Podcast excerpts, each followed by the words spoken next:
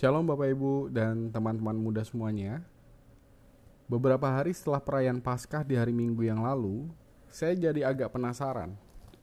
Apa sih perbedaannya antara Bapak dan Ibu sebelum perayaan Paskah dan sesudah perayaan Paskah?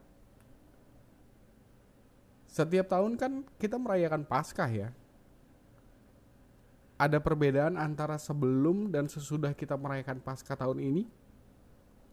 Atau kalau mau lebih besar lagi ya, setiap tahun kita merayakan Paskah kan, ada perbedaan yang terasa nggak di dalam kehidupan keseharian kita dari tahun ke tahun? Coba ditanya dulu sama bapak, sama ibu, sama anak-anak yang ikut kebaktian di rumah hari ini. Ada bedanya nggak sebelum dan sesudah kita merayakan Paskah? Kemungkinan jawaban biasa aja, nggak ada bedanya. Atau ya ada dong bedanya. Semoga jawaban kita adalah yang kedua ya. Ya ada dong bedanya. Soalnya kalau menjawab biasa aja, gak ada bedanya. Terus kita merayakan pasca buat apa dong? Kalau nggak ada efeknya dalam kehidupan keseharian kita hari ini.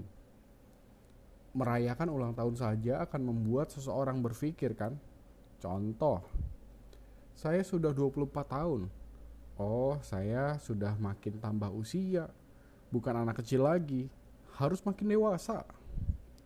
Kalau setelah merayakan Paskah, apa dong yang harus kita pikirkan lebih lagi tentang kehidupan kita ke depan? Nah, perikop kita hari ini menolong kita untuk menjawab pertanyaan itu. Menjadi manusia baru.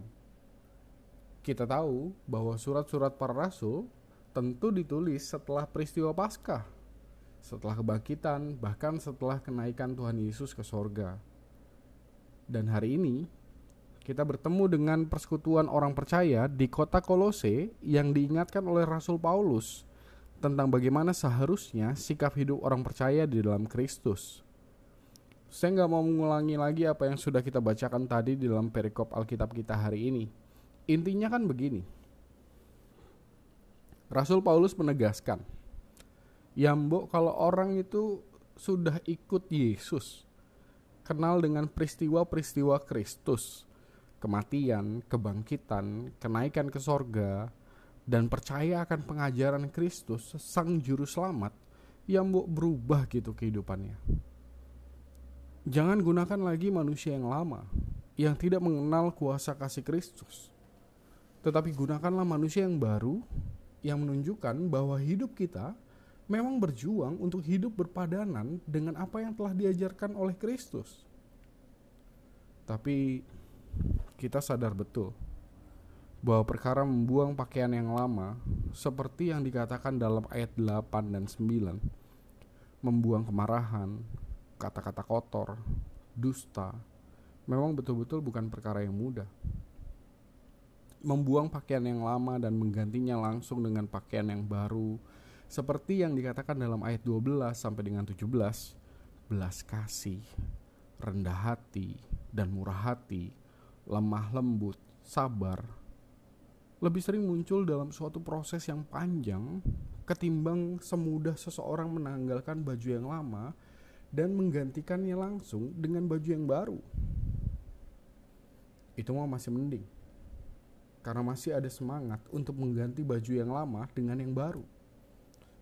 Yang saya lebih takutkan adalah seseorang yang tidak mau menanggalkan pakaiannya yang lama, manusia yang lama, tapi juga kekeh, kekeh teh bahasa Sunda, artinya berkeinginan keras. Gak mau menanggalkan baju yang lama, tapi tetap berkeinginan keras, mau mengenakan pakaian yang baru, manusia yang baru. Jadi dia mah bukan ganti baju, yang terjadi malah seperti orang yang ngedobel, ngerangkap baju lamanya dengan baju yang baru. Sewaktu kegerahan, karena misalnya nggak dapat kerja gitu ya, atau nggak dapat dapat pasangan hidup, nggak tahan dengan omongan orang, mulai kegerahan sangat. Maka yang terjadi adalah pakaian yang baru itu disingkirkan sehingga pakaian yang lama yang memang tetap ada di dirinya kelihatan lagi. Semoga kehidupan kita setelah Paskah betul-betul memperjuangkan agar kita mengenakan pakaian yang baru di dalam manusia yang baru. Bukan hanya sekedar ngedouble pakaiannya dan pas kegerahan kelihatan lagi deh manusia lamanya yang belum dibuang jauh-jauh. Tuhan menolong. Amin.